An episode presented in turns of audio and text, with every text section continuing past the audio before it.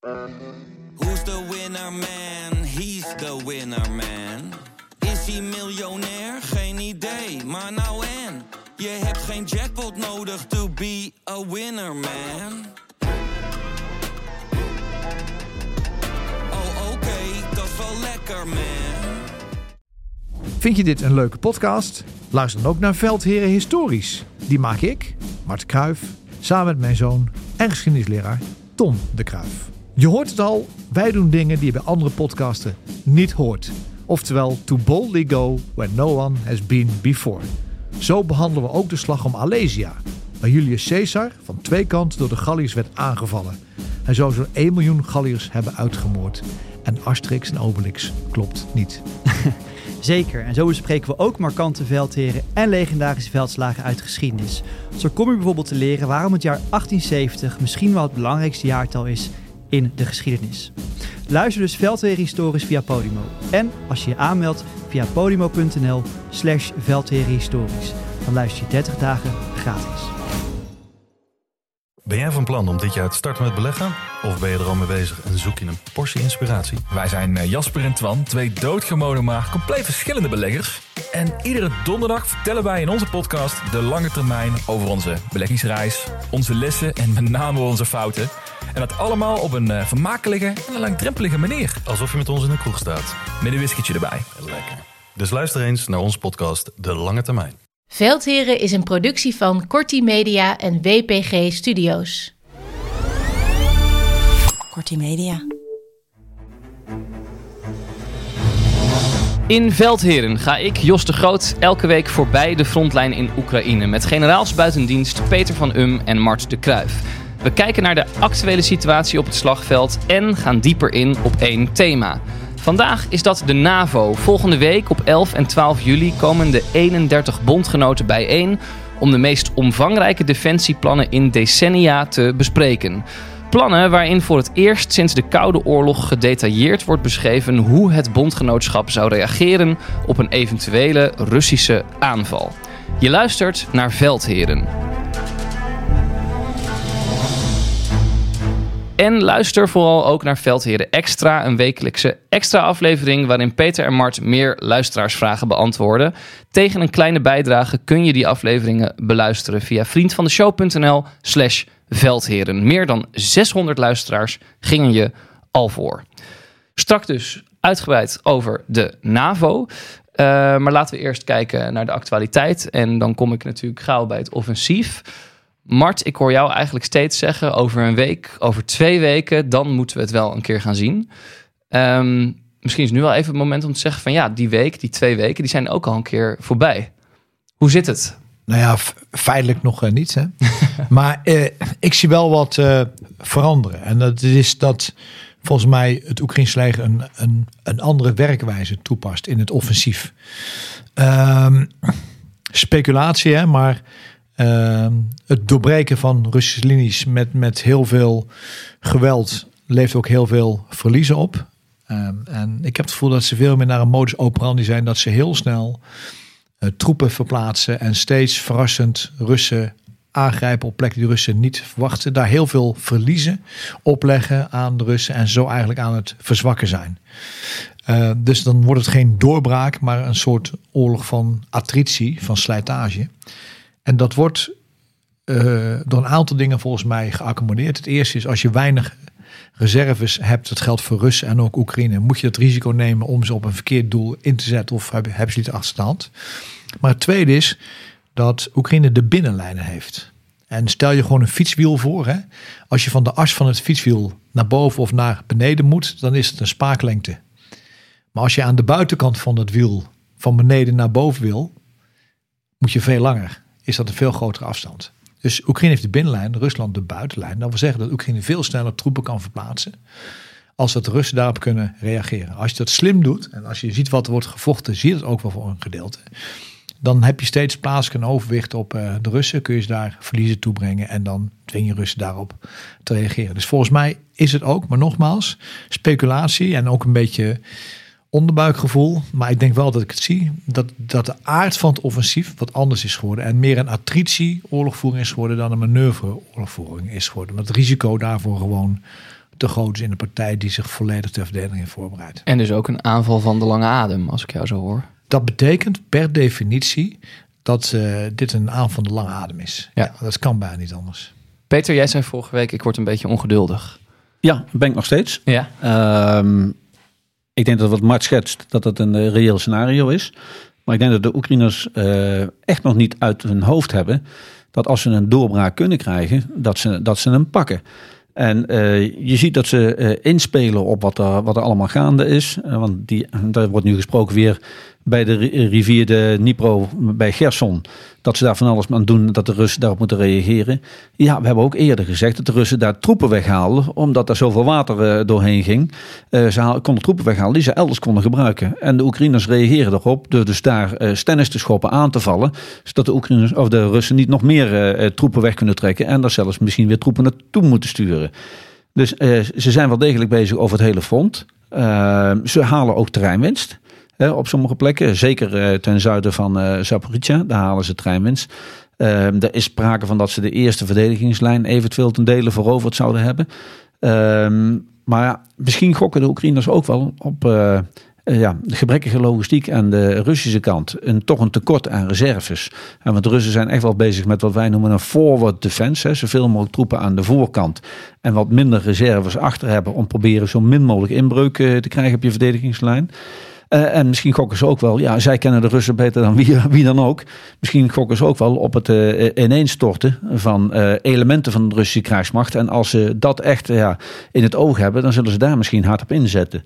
Uh, er zijn eerste signalen uh, best wel van uh, deserties. Hè. We hebben eerst heel klein, maar nu zijn er verhalen. Ik zeg nogmaals verhalen. Van 10, 20 man die tegelijk aan de Russische kant aan, aan hun stutten trekken en er vandoor gaan. Dus uh, de Oekraïners zullen daar ongetwijfeld meer informatie over hebben. En uh, ja, dan zien we ook nog verhalen dat in de Russische bevolking er, er uh, ja, ja, het een en het ander gebeurt.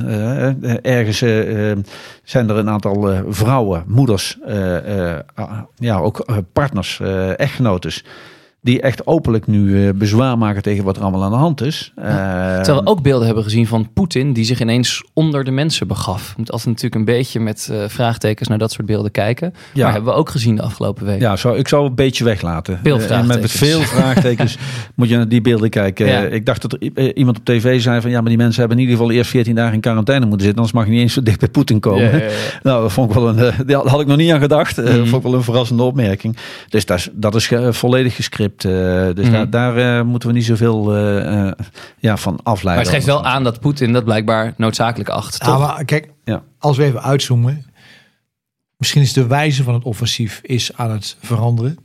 Zonder dat de eerste modus operandi is loslaten. Maar je ziet nog steeds, en dat is niet veranderd. Dat de Russen moeten reageren op wat Oekraïne doet. Dus het strategisch offensief is nog steeds in Oekraïnse handen. Het strategisch defensief is nog steeds in Russische handen. En ik vind dat dat als bijna een jaar lang is dat aan de gang. Dat vind ik, gezien de gevechtskrachtverhoudingen, vind ik opmerkelijk. En dat blijft ook zo. Ja, er zijn een, paar mensen die nu praten over een concentratie van Russische middelen bij Kremina. Uh, dus een ik, poosje hoor daar. Uh, ja, dus poosje, um, als mensen dat zo openlijk zeggen, dan kunnen de Oekraïners het ongetwijfeld ook zien. Ja, die, die missen dat echt niet. Uh, en ja, het is wel riskant om troepen te concentreren en een langere tijd bij elkaar te laten. Want dan, uh, als je daar niks mee doet, dan ben je gewoon een sitting duck. Dus uh, we horen ook wel dat de Russen ook over de volle frontbreedte toch proberen tegendruk te geven, tegen aanvallen te geven.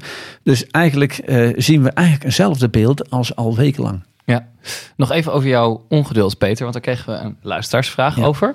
Uh, Roderick van Ravenhorst heeft ons gemaild. Dank voor de mooie podcast. Luister ik met veel plezier naar. Maar afgelopen aflevering ook met een beetje ergernis over de opmerking van Peter van Um dat hij zo langzamerhand een beetje ongeduldig werd dat die grote Oekraïnse aanval nou wel een, eens een keertje mocht komen. Ongetwijfeld is dat ongeduld gegrond, maar zou de heer Van Um zijn punt willen verduidelijken. Wat mij als leek namelijk verbaasde, was dat een dergelijk onderbuikgevoel zo'n belangrijke beslissing zou informeren. Als mijn cijfers kloppen, nemen pakweg 50.000 Oekraïnse troepen het op tegen ruim 200.000 ingegraven Russen, die naar het schijnt zeer taai verdedigen en luchtoverwicht hebben. Is uh, in een frontale aanval loop je dan toch helemaal stuk en vergooi je levens en materieel, lijkt mij. Bovendien heeft Oekraïne dit jaar maar één kans, anders moeten ze weer een jaar wachten op nieuw materiaal. En een nieuwe lichting in het Westen getrainde soldaten als ze die al krijgen. Dus mijn vraag aan de generaals. In zo'n situatie kijk je toch niet naar je agenda om te bepalen wanneer je gaat. Maar wacht je toch op gunstige omstandigheden. Ja, je weet wie hier het eerste antwoord op gaat geven. Ja, nee, ik kijk naar Peter van Den. Nee, ik denk dat de vraagsteller grotendeels gelijk heeft. Mhm. Maar hij is één ding vergeten. Eh, veldheren zijn ook mens.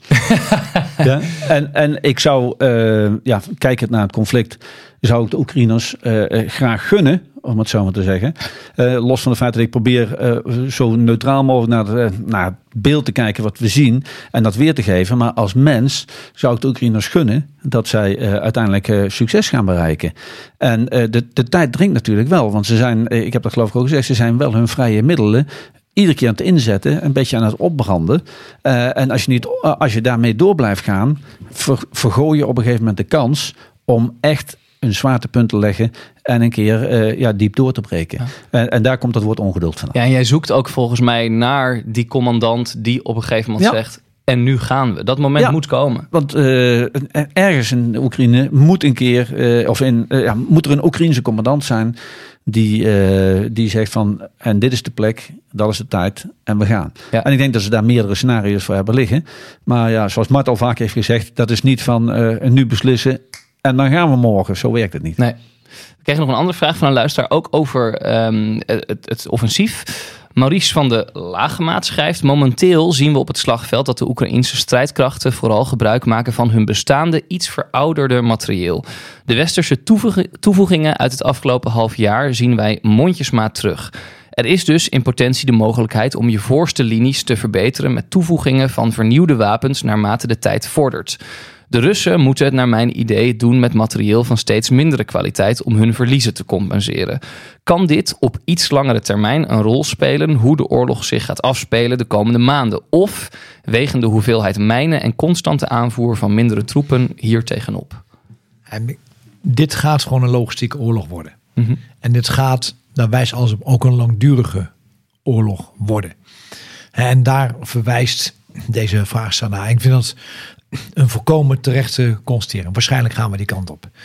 En Kl- Klopt de analyse ook dat de Oekraïners naarmate de tijd vordert misschien verbeteringen in hun materieel gaan zien ja, maar dat dat, niet is, hebben? dat is ongetwijfeld waar. Aan de andere kant, Oekraïne is een veel kleiner land dan Rusland. Als je kijkt naar de personele componenten. In principe kan Poetin veel meer mobiliseren. Eh, Poetin hoopt deze oorlog op tijd te kunnen winnen. En dan kijkt hij ook naar de Verenigde Staten. Als daar Trump aan de macht komt, dan ziet de wereld er weer eh, eh, anders uit. Kortom, er, er speelt van alles. Maar één ding weten we. Poetin denkt, ik kan deze oorlog alleen op tijd winnen. Ik kan nog twee, drie jaar uithouden met mijn eigen productiecapaciteit. Met mensen die ik heb. En het Westen gaat zwak worden. Ja, dat komt weer terug op de vraag die we vaker stellen. Zijn wij in het Westen bereid om net zo vol te houden als dat nodig is? Beschouwen wij dit als onze oorlog? En dat is natuurlijk een cruciale vraag. Tot nu toe is het antwoord ja. Dat is ook wel de link met veel nieuws. Wat er gaat gebeuren NAVO-top. NAVO-top. Ook daar is het antwoord ja. Maar er zijn steeds meer signalen. En dat zie je ook, ook in de geschiedenis. Zie je dat, hè? Als fronten tot stilstand komen. Dan is het heel moeilijk om weer beweging in fronten te krijgen. Want beide partijen gaan natuurlijk het terrein helemaal conditioneren. Om elke beweging van de tegenstander moeilijker te maken. Nou, dat zie je nu gebeuren. Ik wil niet zeggen dat je daar niet kunt doorbreken. En, en dat is nog steeds een reële optie. Ook terug naar de vorige vraag. Dat je wel degelijk nog een doorbraak kunt doen. Maar je ziet wel dat Oekraïne heel behoedzaam is met de slijtage van eigen willen. En probeert door ze slim in te zetten. En niet zoals de Duits zou zeggen met brachiaal geweld op die eh, vijand af. En dan te kijken waar de mogelijkheid is om alsnog geconcentreerd offensief te gaan worden. Maar je moet ook heel zuinig zijn met je middelen. En het is heel opvallend. F-16, Leopard 1. Men is al aan het plannen voor volgend jaar. Wat hebben we volgend jaar nog? De productiecapaciteit in Europa die aan het oplopen is. Nu die productiecapaciteit, nu die productiebanden gaan stijgen. Dit kan wel eens een hele lange oorlog worden. Een war van logistics. Ik wil even een zinnetje eruit pakken wat Mart zegt. Want eh, eh, dat, daar wil ik toch wel even nog wat, wat meer beeld aan geven. Dat is dat Poetin kan meer mobiliseren. Het, dat is een optie voor Poetin. Maar die optie wordt wel steeds lastiger voor hem. Eh, door het gedoe wat met Prigozhin wat er is geweest. Die eh, echt heeft ge- aangetoond van, of ah, ja, in ieder geval gezegd heeft Van eh, de reden, de ware reden voor de oorlog ligt echt compleet anders. Als ik nou even refereer aan wat ik net zei, dat er nu dus vrouwen publiekelijk met een video gewoon eh, twijfels eh, hebben over van zijn jullie wel goed bezig en er zijn heel veel verliezen in de eenheid waar onze mannen, onze zonen zitten. De leidinggevenden die zien ze niet, die krijgen ze niet te pakken, er wordt slecht leiding gegeven. Als dat soort signalen er zijn, dan eh, wordt het voor Poetin steeds lastiger om een volgende mobilisatieslag, laat staan een hele grote af te kondigen. Ja. Je, noemt Prigozhin. Eh, beetje stil op dat front. Al hebben we van de week wel één keer wat van hem gehoord. Wat zijn de ontwikkelingen daar? Nou ja, eigenlijk eh, moet je dan niet naar Prigozhin kijken, maar moet je kijken naar wat er met de Wagner-groep aan de hand is. Want eh, als ik de signalen mag geloven, dan probeert hij in Wit-Rusland probeert hij zijn Wagner-imperium overeind te houden en ook in het buitenland. Terwijl eh, eh, tegenstrijdig eigenlijk eh, in Rusland wordt het gewoon eigenlijk ontmanteld. Ik denk dat het, het beste woord is. Ehm, we krijgen duidelijke signalen dat zijn mediagroep die wordt gekortwiekt. Hij schijnt een trollenfabriek te hebben gehad, die wordt ook gekortwiekt. Zijn recrutering, waarvan eerst werd gezegd dat gaat gewoon door, krijgen we nu signalen dat hij in ieder geval een maand stilgelegd wordt. De Amerikanen hebben aangegeven dat er Russische ambtenaren naar onder andere Syrië en Mali zijn gegaan om daar de contacten van de Wagnergroep eh, eh, onder het licht te houden en eh, andere afspraken te maken. Dus je ziet het in de Russische Federatie wordt de Wagnergroep zo te zien eh, helemaal ontmanteld. En hij probeert, eh, ja, bij Lukashenko probeert hij nu eh, in Wit-Rusland overeind te houden en misschien wat te redden wat er te redden valt voor hem. Ja. Ik, eh, wil je nog op aanhaken, Mart? Nou ja, dat, dat komt een keer terug. Dat zijn ook allemaal ervaren militairen die voor een groot deel hebben gediend in het Russische leger. Die kun je niet zomaar integreren in het Russische leger, want die dragen wel een ge- geschiedenis met zich mee. Hè? Ja. Ze zijn niet voor niks uit het Russische leger gegaan. Ze werden beter betaald bij de Wagnergroep, betere uitrusting, successen behaald, beschouwt zichzelf toch als een elite. Ja, als je die gaat integreren in het Russische leger, je vragen of het überhaupt lukt. Ja, Dus- en eh, eh, daar heb ik ook mijn bedenkingen bij. Maar eh Shoigu, de minister van Defensie, is echt bezig om meer grip te krijgen op Ja. die private military companies. Hè. Dat, dat contract wat hij heeft afgesproken, Ja. of eigenlijk verplicht heeft gesteld, waar ja, iedereen heeft getekend, behalve Precaution. Nou, Ja. we weten hoe dat afgelopen is. Ja, dus als het lukt, is dat wel potentieel een grote impuls voor het Russische leger. Maar het, Ja. la- maar het laat ook zien dat de vijf mensen dicht bij de top van Poetin, hè, waaronder Shoigu, waaronder Gerasimov, die laten niet zomaar vallen. Nee. Hè, dat, is, dat is echt een, ja, je bijna zeggen dat is een, een team, maar dat heeft dan een veel te positieve connotatie. Hè, maar die laten elkaar niet vallen, net als de directeur van de FSB. En, en ja, dan weet je ook precies met wat voor vijand je hier eh, te maken hebt. Ja, eh, daar zit nog een, eh, een, een aparte. Want dan zie je ook hoe raar dat in elkaar steekt daar. Want Shoigu met het ministerie van Defensie is dus bezig die grip op die private military companies te krijgen. Shoigu is met een PR-offensiefje bezig. Hè. eh, eh, houdt verhalen dat ze 2500 eh, voertuigen hebben afgeschoten van de Oekraïners. En dan bedoelt hij mijn reguliere strijdkrachten. Maar Shoigu is nu ook begonnen grip te krijgen op militaire Russische bloggers. En dat zijn veelal ja, rechtsnationalisten. En die hebben altijd de steun van Poetin gehad. En eh Shoigu is dus nu net met iets bezig en Poetin eh, is nog stil. Die bemoeit zich daar blijkbaar nog niet mee. En dan zie je dat het is voortdurend eh, elkaar aftasten, ook daarbij in, in, in die top. eh, en dat schuurt tegen elkaar aan. En ja, ondertussen moeten ze elkaar vasthouden. Maar volgens mij zal Shogun niks doen buiten medeweten van Poetin. We, we zullen het zien. Echt een puppet Hoe ver hij daarin kan gaan. Spannend. Ehm, even voor we door gaan praten over de NAVO, wil ik nog even bij jullie stilstaan bij een artikel dat vorige week in NRC stond. Ehm krantartikel, we kregen ook vragen van luisteraars van, hey, wat vinden de veldheren hiervan? Eh, het artikel had als titel hoe onderzoek naar nazi-uitingen binnen het leger werd gesaboteerd. Defensie maakt zich zorgen over haar aantrekkingskracht op rechtsradicalen. In een appgroep werd besproken eh, werd gesproken over, ik quote maar even, teringjoden. En op een Duits oefenterrein brachten militairen volgens een hoorverslag eh, meerveel, meervoudig de Hitlergroet, ook in uni- uniform. Eh, racistische uitingen kwamen er veel voorbij in dat ehm, artikel. Twee belangrijke onderzoeken naar dit gedrag onder de militairen, die zijn stuk gelogen, gelopen door interne tegenwerking. Herkennen jullie dat? Die, die angst die wordt geschetst, de aantrekkingskracht van de krijgsmacht op extreemrechtse types? Ja. Ja, Dus- Kijk, al- als we de illusie hebben dat de krijgsmacht bestaat uit ideale schoonzonen, kan ik je uit de droom helpen. Dat is niet zo. Nee, dat is niet zo. Nee. Nee, maar eh, dat die aantrekkingskracht eh, er best is, dat, eh, dat, dat geloof ik best wel. Heb je het ook gezien in je eigen loopbaan? Nee, eh, eigenlijk heb ik eh, geen rechtsextremistische eh, dingen meegemaakt, voor zover ik mij kan herinneren. Dat wil niet zeggen dat ik geen verkeerd gedrag heb meegemaakt, maar dat lag in een ander vlak. Eh, en daar heb ik ook altijd op geacteerd. En ik word dus eh, ja, best wel triest van deze berichten. Eén, vanwege het feit dat dit soort symptomen er zijn. En eh, misschien druk ik het nu te zacht uit, de symptomen. Ehm, maar aan de andere kant, dat blijkbaar onderzoek ernaar eh, niet afdoende wordt gedaan. Ja, en zelfs wordt tegengewerkt. ja, en zelf vertegenwoordigd. Dat, dat ja, vind ik eigenlijk onbestaanbaar. Mhm. Maar ik, ik, ik voer eraan toe, dit is een lijnverantwoordelijkheid. Wat betekent dat? Dat bedoel je, dat, dat is een, een commandantenverantwoordelijkheid. Als dit gebeurt, hè, dan... Nederland heeft een beetje de neiging om alles langzamerhand onafhankelijk te onderzoeken door onafhankelijke commissies. Maar dit is een lijnverantwoordelijkheid. Het heeft iets te maken met vorming van je officieren en je onderofficieren. En ik ga nu misschien een beetje boute stelling doen. Maar de afgelopen jaren hebben we enorm bezuinigd op eh, de krijgsmacht. Een van de consequenties daarvan is dat jouw opleidingen van je officieren en onderofficieren zijn bekort. Nu gaat het anders, maar die zijn bekort. Wat gaat er als eerste af? Je leert mensen vaardigheden, hoe ze wapens moeten bedienen, voertuigen moeten rijden. Maar vorming, het evalueren, het terugkoppelen van mensen. Hoe is jouw gedrag? Hoe kun je het anders doen? Dat is ermee onder de rit gekomen. En er is natuurlijk geen direct kausaal verband.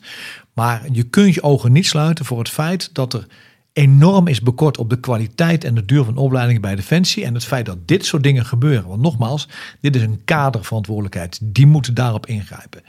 En, en, en het zegt dus ook wat over de staat waarin we Defensie afgelopen tien jaar hebben gebracht met z'n allen. Het begint met lijnverantwoordelijkheid en opleiding en vorming van je officieren en onderofficieren. Dat zijn degenen die moeten zeggen, dit is niet acceptabel, dit is geen gedrag wat wij willen zien. We gaan even bij elkaar zitten en dan gaan we anders doen.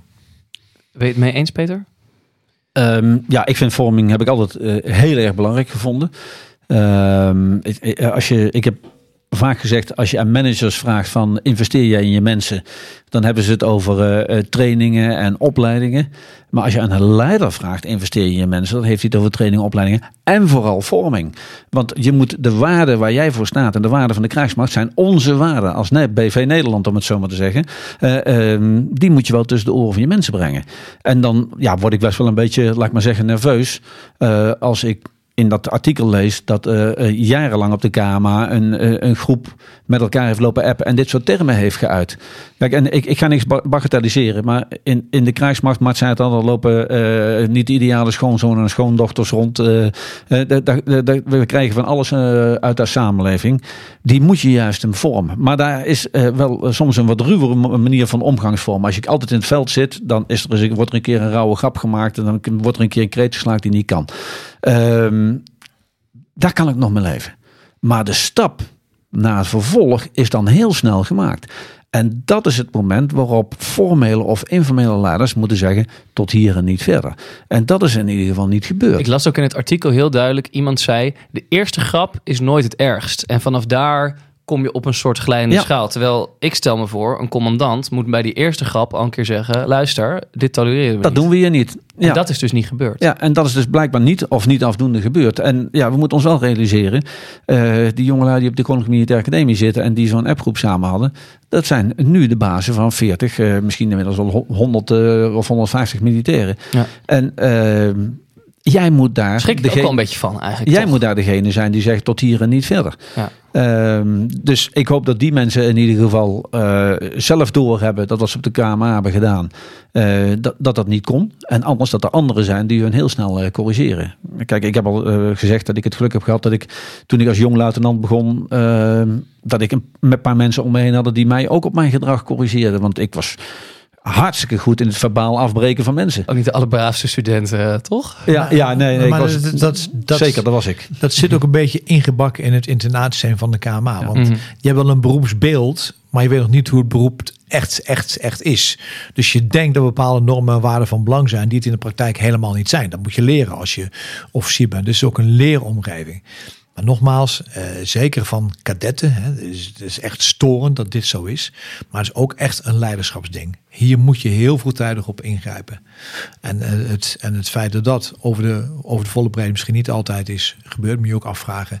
Hoe kun je niet los van de persoon die daarop aanspreken? Hoe kun je nou voorkomen dat de toekomst weer gebeurt? En dat is en blijft vorming. Dan gaan we door naar het hoofdonderwerp van deze week, de NAVO. Volgende week op dinsdag en woensdag is er die belangrijke top in Vilnius, Li- Litouwen. Ehm, Mart, waarom wordt die top, denk jij, eigenlijk belangrijk?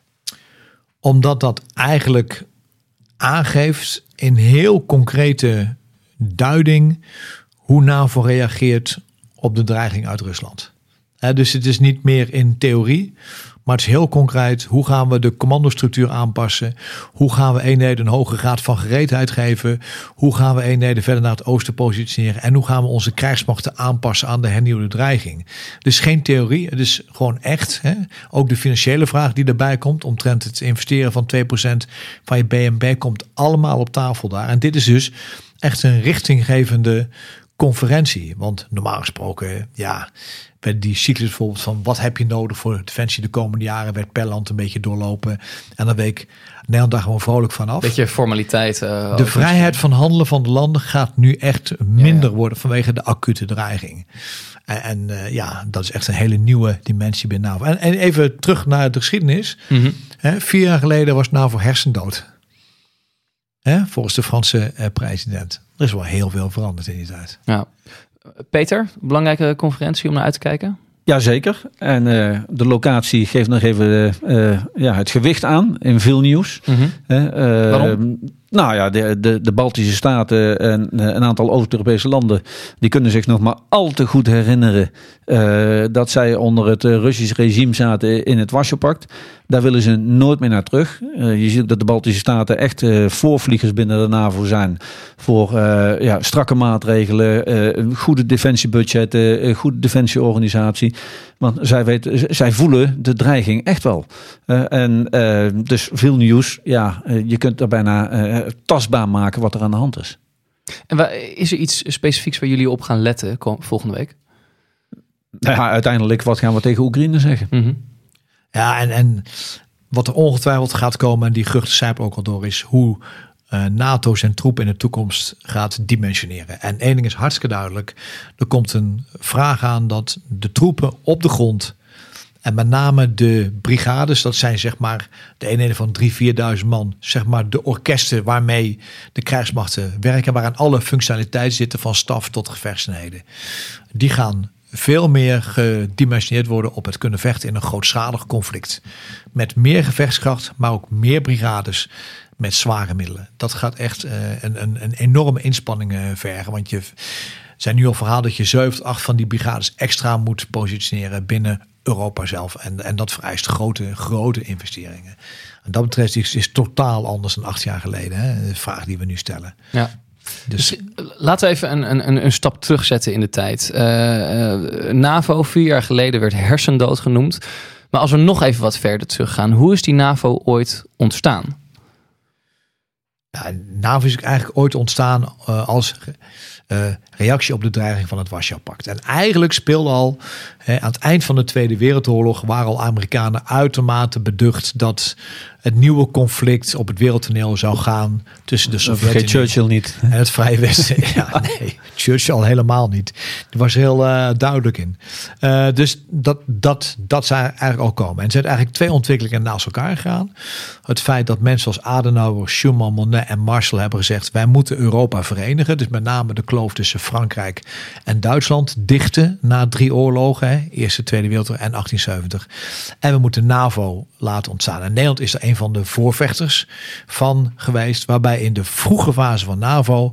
een van de grote vraagstukken was... hoe gaan we Duitsland bij NAVO betrekken. Dat was echt wel een eh, politieke balanceeract. Maar iedereen voelde wel, we hebben ook de slagkracht van Duitsland nodig om een tegenwicht te kunnen bieden aan het eh Warschau-pact. Dus eh, daarom viert ze ook het jubileum van NAVO. Maar NAVO is echt een directe reactie op een toen ondervonden dreiging vanuit het Warschau-pact. En daarom ook eigenlijk per definitie ook een defensief bondgenootschap.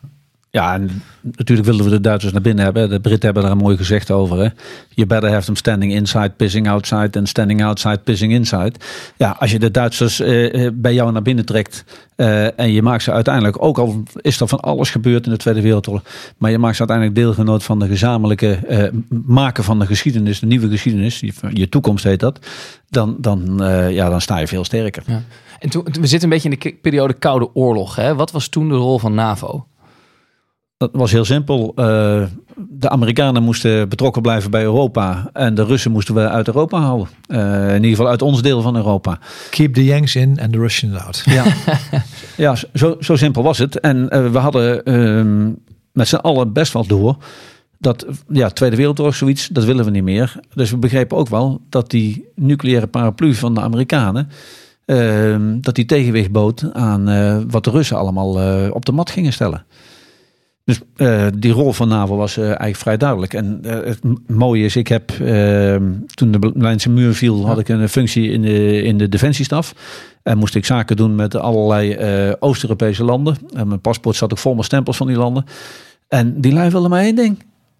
Nee, ik wil helemaal niet over de EU praten. Uh, vonden ze niet belangrijk. Ze willen lid worden van de NAVO. Want eh, daar had je de beste veiligheidsgarantie eh, en, kon je de Russen buiten houden. Eh, dat, dat geeft aan hoe belangrijk de NAVO toen was. En we komen er nu weer achter dat die dat nog steeds is. En, en, en NAVO is best wel wat meer dan wat je op de mat brengt. Hè? Maar in Afghanistan heb ik gezien dat NAVO ook qua eh, procedures, qua afstemmen tussen krijgsmachten, een ongelofelijke waarde heeft. Hè? Ik bedoel, als jij als voorwaartse waarnemer een vliegtuig op een doel moet praten, die procedures allemaal in het Engels, allemaal gestandaardiseerd. En of je nou een, een Belgische vlieger hebt met een Nederlandse eh, waarnemer op eh, de grond of, of eh, een, een Duits vliegtuig of een Amerikaans vliegtuig, maakt niet uit. Er is maar één keer fout gegaan en dat was met een Schot als forward air controller en een Fransman in de lucht. Ja, dat dan, dan gaat Engels een keertje fout. Maar dat gaat wel goed. Ook de protocollen bijvoorbeeld voor gewonden, hoe wij die behandelden elke dag. Hè, tientallen in Afghanistan. Dat waren standaard protocollen door NAVO ontworpen. Dus je hebt gewoon een aantal, een backbone in procedures, in kennis, in voorschriften, in tactieken. Die het heel makkelijk maken om tot op het laagste niveau gewoon met andere landen heel close samen te werken. Dat, dat is ook NAVO. Dat vergeten we wel eens. maar het is ook gewoon het hele simpele feit van het. NATO-spelalfabet. Ja. Het NATO-spelalfabet? Ja. Ja. Iedereen heeft het over Alpha, Bravo, Charlie en ga maar, zo maar door. Zo spellen we het alfabet. Dus we kunnen eh, dankzij dat soort simpele dingen die in de NAVO gestandardiseerd zijn, kunnen we gewoon met elkaar communiceren. En dat is echt een soort wijsheid die in de afgelopen decennia is opgebouwd, stel ik Ja. me voor. hè. Dus je, je- Ja. het, het is ook een, de beste optie die we nu hebben, stel ik me voor. Ja, zeker. Eh, en- en de NAVO heeft dat zelf ook wel ervaren. En die hebben op een gegeven moment ook eh, eigenlijk vanaf het begin al geroepen van... we hebben dus een open deurbeleid. Dus als jij eh, aan onze waarden en normen voldoet en je bent een Europees land... Ja. Dan, eh, dan, dan kun je in beginsel eh, vragen om erbij te komen. Ja, jij hebt als commandant der strijdkrachten NAVO-vergaderingen bijgewoond. Ja. Ehm, wat wordt daar besproken? Ehm, van alles van geostrategisch tot militaire zaken. Maar het hangt er maar vanaf ja, met, met, met wie je daar eh, zit. Kijk, als je de heads of state hebt, dan kom je toch meer op geostrategische dingen terecht. Zit je met de ministers van Buitenlandse Zaken, eh, ja, dan is het toch meer op het diplomatieke terrein. Zit je met de ministers van Defensie, dan kom je al meer in het militaire bereik. Maar zit je met de commandanten de strijdkracht alleen, dan praat je echt over militaire zaken. Nou, in mijn tijd was het item natuurlijk eh, de missies. Dus daar besteden we veel tijd aan. Maar ik heb ook letterlijk in de, in de NUC gezeten en de NRC. En de NUC was de NATO-Ukraine Committee. En eh, de NRC was de Na- NATO-Russia Committee. Dus één keer per jaar kwam onze eh Oekraïnse en onze Russische collega... kwam naar de NAVO-CDS'en toe. Om daar, eh, en dan hadden we wel een uur of anderhalf uur voor die heren. Ja, dat geeft even aan hoe we toen naar de wereld keken. Ja, veel veranderd. Ja, is echt veranderd. En dat was toch, die vergaderingen waren toch voor een groot deel eh, een rituele dans om het gesprek gaande te houden. Eh, want we wisten dat we op een heleboel dingen eh, het niet met elkaar eens waren. Eh, maar om, om in ieder geval de kanalen open te houden eh, eh, en elkaar te zien, zodat je elkaar een keer in de ogen kon kijken. Maar het was niet meer dan een uur, anderhalf uur. En, de, en de geschiedenis van NAVO is ook niet altijd zonder slag of stoot gaan. Hè? We hebben de Fransen gezien die eruit gingen. Eh, later weer terugkwamen. We waren zo opgesteld in West-Duitsland. Wie, Ja, even uit de, dan moeten we even helder hebben. De Fransen gingen niet uit de NAVO, maar gingen uit, uit het de militaire politieke structuur, uit het, uit het militaire deel. Eh, maar we hadden ook zo opgesteld in, eh, Duitsland, dat als de Russen zouden aanvallen, alle landen ook gelijk in oorlog zouden zijn. Hè? Dus noord van ons hadden wij Duitsers en we hadden Belgen, we hadden Amerikanen, we hadden Duitsers. Dus we hadden geen Duitsers voorop en dan Amerikanen en Nederlands erachter. Iedereen zat aan de frontlijn. Dus als Russen zouden aanvallen, dan was je ook allemaal gelijk in oorlog. Ja. En, en zo was het ook echt opgesteld. En dat is eh, fascinerend om te doen. Maar het is gewoon een hele keten met allemaal verschillende landen die overal eh, zaten. Dat was echt een NAVO. En dat je ook nog hele grote oefeningen binnen een NAVO-verband. Er werd eh, gepland. En Nederland speelt daar een cruciale rol in. Bijvoorbeeld heel Schiphol werd helemaal platgelegd. Want we hadden allemaal materiaal van Amerikanen hier. En overal gebouwen waar de voertuigen klaar stonden. De Amerikanen werden ingevlogen met vliegtuigen op Schiphol.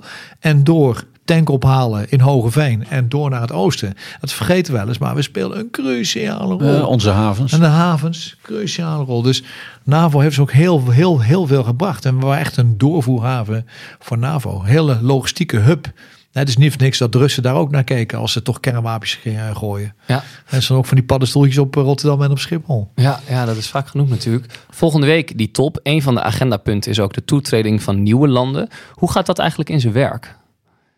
Ja, dan moeten we uh, toch terug naar de, naar de geschiedenis, om het zo maar te zeggen. Mm -hmm. en, en, dan wil ik wel eerst zeggen dat in 2008 is er al bij de NAVO besloten dat Georgië en Oekraïne op termijn in de toekomst lid konden worden.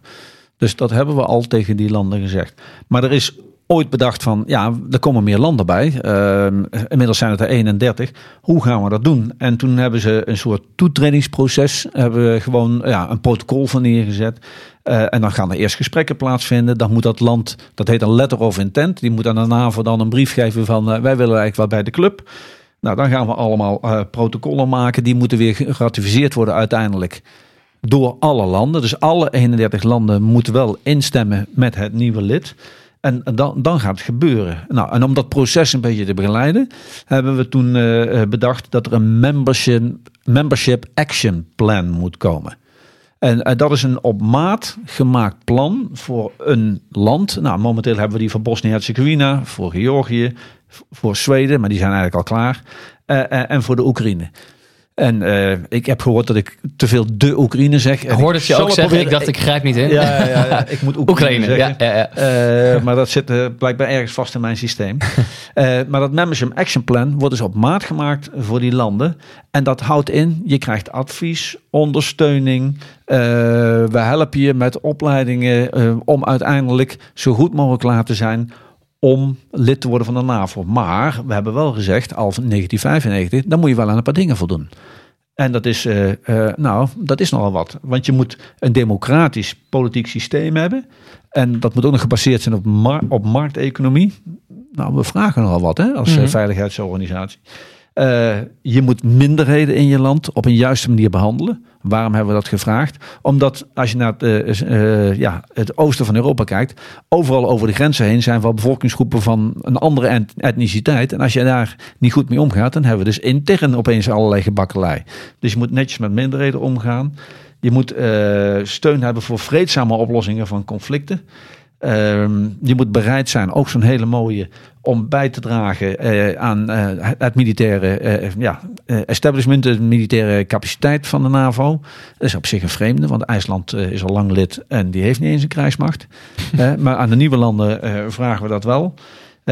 dus dat soort vragen worden wel gesteld en die worden in dat Membership Action Plan met jouw land besproken. Waar sta je? Ja. en, en Als ik die lijst nou even op Oekraïne projecteer, verwachten jullie dan dat Oekraïne erbij gaat komen? Nou, op korte termijn, zolang deze oorlog duurt, gaat Oekraïne daar niet bij komen. Ligt ook, ligt ook politiek veel te gevoelig. Ja, hè? Ja. Het zal heel wat zijn als Zweden kan toetreden met de bezwaren die Erdogan nu weer heeft. Maar het is, het, het, zo als je naar de geschiedenis kijkt van uh, vanavond, is wel super interessant hoe het ooit is ontstaan. Want Nederland is een van de founding members geweest. Hè? Maar we waren ook weer typisch uh, Nederlands. We zaten volgens mij in uh, Fontainebleau. En de voorzitter van NAVO vroeg: en hoeveel divisies gaat Nederland inbrengen? Divisies is een eenheid van 10.000 man. En Jozef Luns zat daar en die wist niet precies wat het antwoord zou moeten zijn. Dus die stak zijn hand op en die wilde wat roepen. Waarop de voorzitter gelijk: oh, er zijn vijf divisies. We hadden er maar drie. Ja. Dus die hebben de naam gegeven: de eerste divisie, de vierde divisie en de vijfde divisie. Onder het rookgordijn dat die tweede en derde nog wel een keer zouden gaan komen. Dus het is ook weer typisch taaltje Nederlands. Nederlands wat groter worden dan dat we waren. Maar zo is NAVO is uh, ontstaan. En Nederland zowel bij zeg maar de, wat nu de Europese Unie is als de NAVO waren voorlopers. Dus wij zijn altijd wel met België daar wel visie gehad dat dat cruciaal was. En eigenlijk zijn we dus waar we voor de Tweede Wereldoorlog een neutraliteitsbeleid hadden, zijn we na de oorlog een van de trouwste leden geworden van de Europese Unie en NAVO. En, en ook heel nadrukkelijk altijd een voorvechter geweest van die transatlantische band. Ja. we hebben altijd geprobeerd om die Amerikanen toch vooral eh, bij Europa te blijven betrekken. En nu komt er volgende week, kunnen we ook een lange termijn visie verwachten. Dat was ook al in de media uh, te lezen. Brigades erbij, plus 300.000 militairen in verhoogde staat van paraatheid. Uh, van voorbereiding, sorry, ik zeg het verkeerd. Uh, hoe ziet dat eruit? Nou, dat is niet zo moeilijk. Hè? En wij werken, het is nooit zo dat de eenheid altijd klaar is. Je moet eenheid opnieuw vullen, nieuw materieel doen en je werkt op. Hè? En je begint met iedereen zijn geweer kan schieten en dan zorg je dat de groep goed kan optreden. En dan een peloton van 40 man, dat integreer weer in een compagnie van 120 man. Dus je werkt van klein naar groot. En dat kost gewoon tijd. Hè? Je hebt niet allemaal oefentreinen waar dat kan. Je hebt soms schaarse leermiddelen die je daarvoor nodig hebt. Dat kost tijd. En dat kost dus ook geld.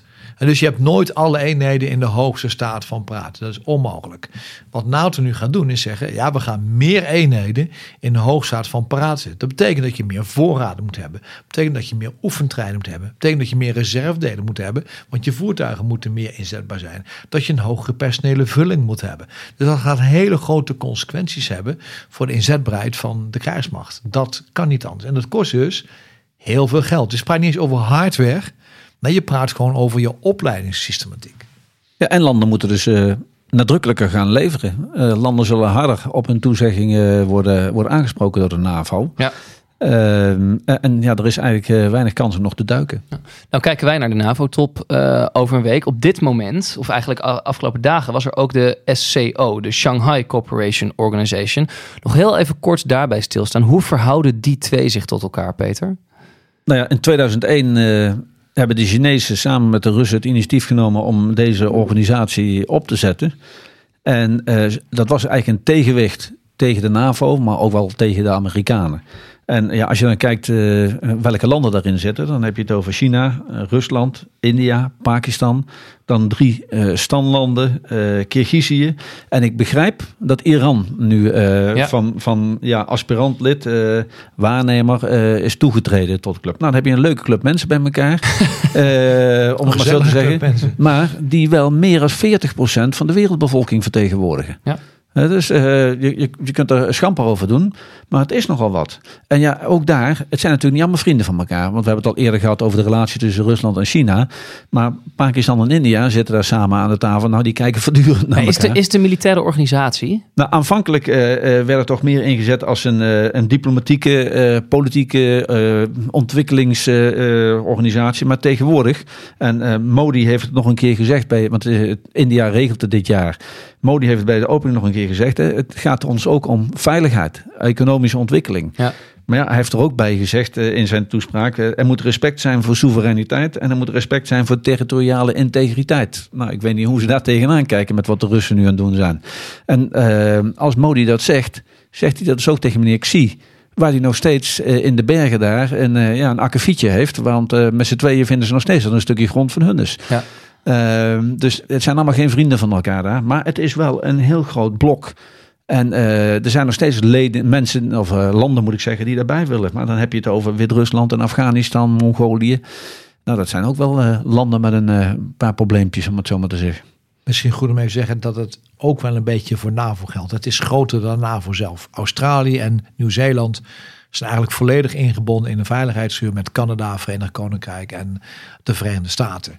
En qua procedure schuurt ook heel dicht tegen NAVO aan. Je hebt landen als Oostenrijk die een aparte status hebben. Maar NAVO is ook wel groter dan alleen dat. Dus je ziet dus dat zich een aantal blokken beginnen te vormen. Waarbij ja, de, de, uh, de hele NAVO qua structuur en met name qua organisatie intern verder gevorderd is dan het initiatief van Shanghai. Maar het zegt wel iets over onze positie in de wereld en de westerse dominantie die wij denken te hebben. Die gaat ter discussie staan. Laten we nog een paar vragen van luisteraars over de NAVO beantwoorden. Uh, Jeroen Reinaerts heeft ons een bericht gestuurd. Hij schrijft ons: Oekraïne en Rusland hebben een deel van de bevolking gemobiliseerd. Hoe zit dat eigenlijk bij ons? Stel de NAVO en Rusland komen in oorlog. Moet ik mij dan als bijna veertiger zonder militaire achtergrond zorgen maken dat ik ergens in een loopgraaf in pakweg Duitsland terechtkom? Nou, als je kaart leest, fouten maakt wel. Moet je En als, je van, en als je van graven houdt ook. Nee, we, we hebben in Nederland op dit moment geen significante mobilisabele component. We hebben wel reservisten die voor een gedeelte de krijgsmacht kunnen aanvullen. We hebben ook reservisten die voor nationale taken zijn opgeleid. We hebben ook reservisten die op missies kunnen omdat ze een speciale vaardigheid hebben. Bijvoorbeeld weten alles van hoe je banken moet opzetten of geneeskundige zorg verlenen. Maar we hebben geen groot mobilisabele component meer in ons leger. Die hebben niet. Sluit niet uit dat hij ooit weer een keer komt afhankelijk van de dreiging, maar op dit moment eh, niet. Maar mocht je toch iets willen, zou ik zeggen, je kunt je zo aanmelden bij de Nationale Reserve. Is om de hoek bij je, dus ga je gaan. Is dat, geen, is dat overigens geen zwakte? Dat, is, dat lijkt me een enorme kracht van Rusland, die, die mobilisatie die maar door kan gaan. Maar als maar NAVO ook- kunnen we dat dus niet. Ook daar kan de mobilisatie niet doorgaan. Want je hebt kaderleden nodig, Ja. munitie, schietterreinen, geweren, kazernes. En dat houdt ook. eh, Eigenlijk is het Russische leger in zijn volledigheid eigenlijk ingezet. Ja. Ook om de verliezen te compenseren die ze niet hebben. Dus dat is alles behalve makkelijk. En bovendien, ja, je ziet dat de industrie anders dan vroeger heeft natuurlijk grote moeite om überhaupt nog grote krijgsmachten op de been te kunnen krijgen. Het is bijna niet meer logistiek vol te houden. Dus. Ja. En voor de luisteraars, eh, de opkomstplicht voor de dienstplicht is opgeschort.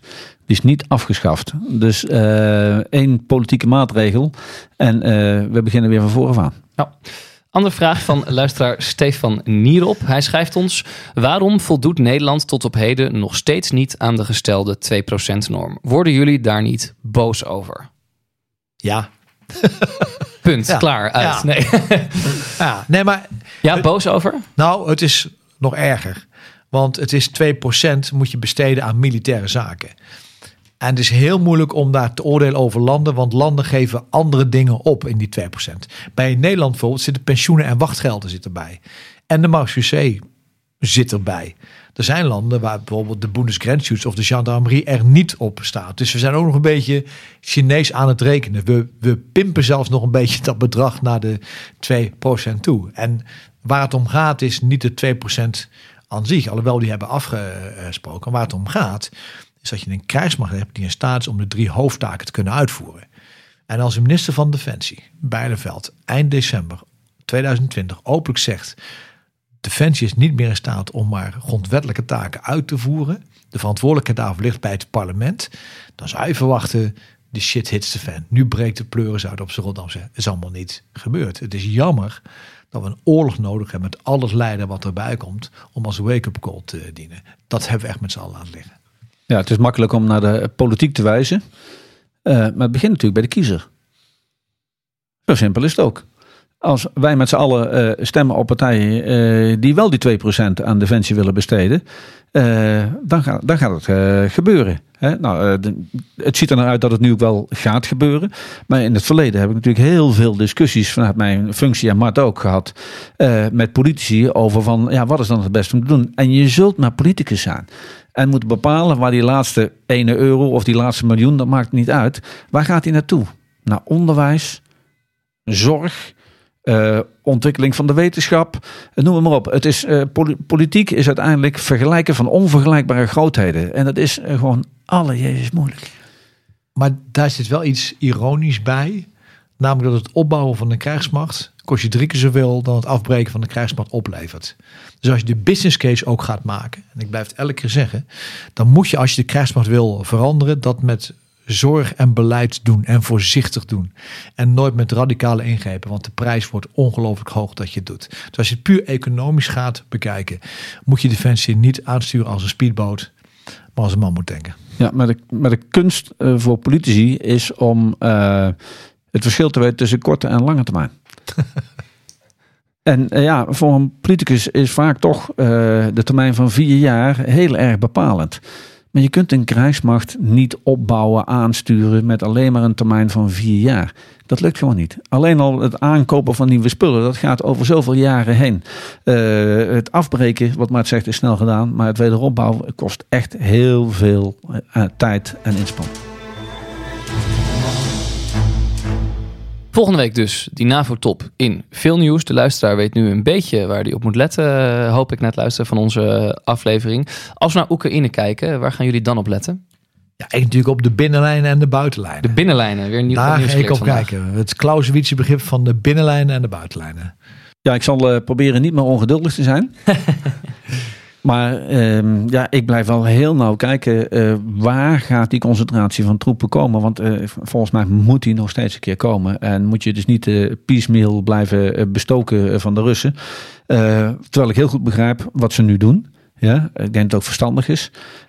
Maar als er een kans op een doorbraak komt, dan moeten ze hem wel proberen te pakken.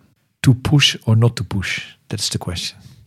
Gaan het volgen richting volgende week. Je luisterde naar Veldheren. Mijn naam is Jos de Groot. Naast mij zitten generaals buitendienst Peter van Um en Mart de Kruif. Wil je hen een vraag stellen? Mail ons dan op veldheren.cortimedia.nl. Corti Media is dat. Of stuur je vraag in via Twitter op @veldheren. Je kunt ook nog luisteren naar Veldheren Extra op vriendvandeshow.nl slash veldheren. Daar praten we verder over de NAVO en beantwoorden we meer vragen van luisteraars. Bijvoorbeeld die van Dennis Robel. Hij wil weten in hoeverre de NAVO bestaansrecht heeft zonder Amerika. Wil je weten wat Peter en Mart daarover te zeggen hebben? Luister dan naar vriendvandeshow.nl slash veldheren. Hopelijk zien, je- zien we je daar. En sowieso graag tot volgende week bij Veldheren.